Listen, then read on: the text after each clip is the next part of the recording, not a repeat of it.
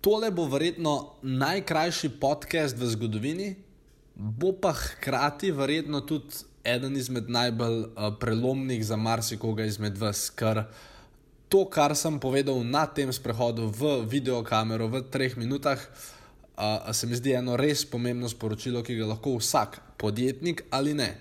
Um, nekako vzame, si vzame zelo k srcu in seveda potem tudi na podlagi tega Mah, no, več govoril. Dajte pogledati video oziroma poslušajte tole audio vsebino. Režija za roke.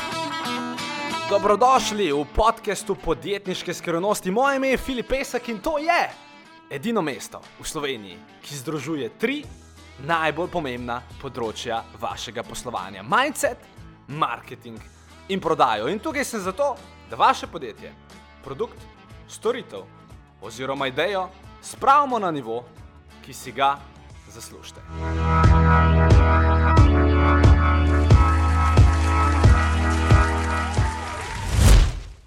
Živijo družba Filip tukaj in v tem videu bi vam rad zelo na hitro povedal en tak trik, ki zna zelo dvigati vašo produktivnost. Ker zadnjič sem bil na kosilu z enim sokolegom, podjetnikom, ki se je prišel k meni po nasvet in je rekel: Filip, lej, delam toliko enih stvari, počutim se zmozgan na toliko enih koncih, sem tiste stvari, na kjer bi se lahko fokusiral, se ne morem na njih fokusirati, posel zaradi tega trpi, ne vem, kaj naj naredim.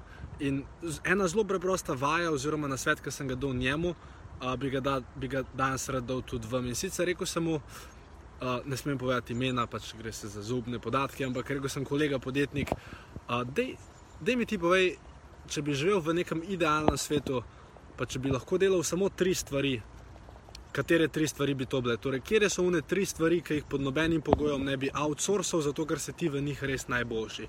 In rekel, ja, delo bi to, to, pa to. Sem rekel, ok.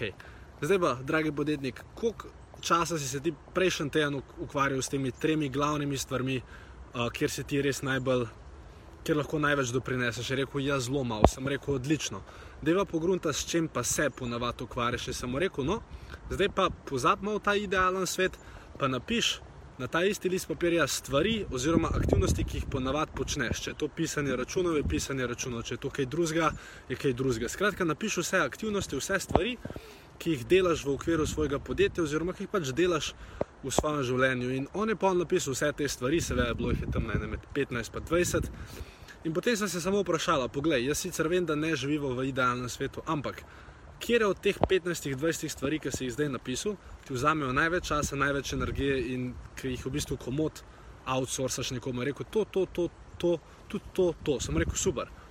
In vse, kar moraš narediti, je, da najdeš način, kako lahko te stvari daš delati nekomu drugmu, zato da lahko potem ti se fokusiraš vedno bolj na tiste tri glavne stvari, kjer si pravzaprav največ vreden. In to je to.